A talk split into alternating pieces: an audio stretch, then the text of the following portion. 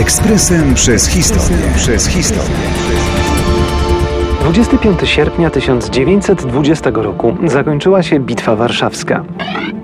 Często, kiedy czytamy o ważnych bitwach z dawnych czasów, pojawia się sformułowanie przełomowa. I choć bywa ono nadużywane, to w tym przypadku ma to uzasadnienie. Ba, może to nawet zbyt mało powiedziane. Zwycięstwo sił polskich w Bitwie Warszawskiej odsunęło od Europy Centralnej i Zachodniej widmo komunistycznego potopu. Nie na długo to fakt, ale polska państwowość na ten moment została uratowana. Ojczyzna w potrzebie to znamienny fragment specjalnej odezwy wystosowanej do Polaków przez Radę Obrony Państwa w roku 1920 w obliczu bolszewickiej agresji. Trzeba przyznać, że Polacy stanęli na wysokości zadania. Polityczne spory nie odeszły w cień, ale przynajmniej odrobinę przygasły.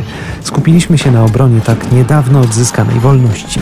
Na wygraną w Bitwie Warszawskiej złożyły się nie tylko taktyczny zmysł Piłsudskiego czy Rozwadowskiego i ich ryzykowne, ale skuteczne zagrania wojskowe, ale także determinacja większości społeczeństwa. Tak zwany cud nad Wisłą był przecież tak naprawdę sprawną realizacją założonego celu, a tym celem było powstrzymanie bolszewickich hord ze wschodu.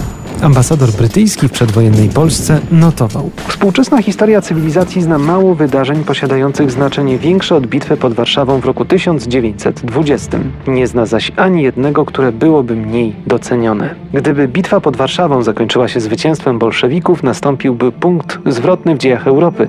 Nie ulega bowiem wątpliwości, że z upadkiem Warszawy środkowa Europa stanęłaby otworem dla propagandy komunistycznej i dla sowieckiej inwazji. Zadaniem pisarzy politycznych jest wytłumaczenie wytłumaczenie europejskiej opinii publicznej, że w roku 1920 Europę zbawiła Polska.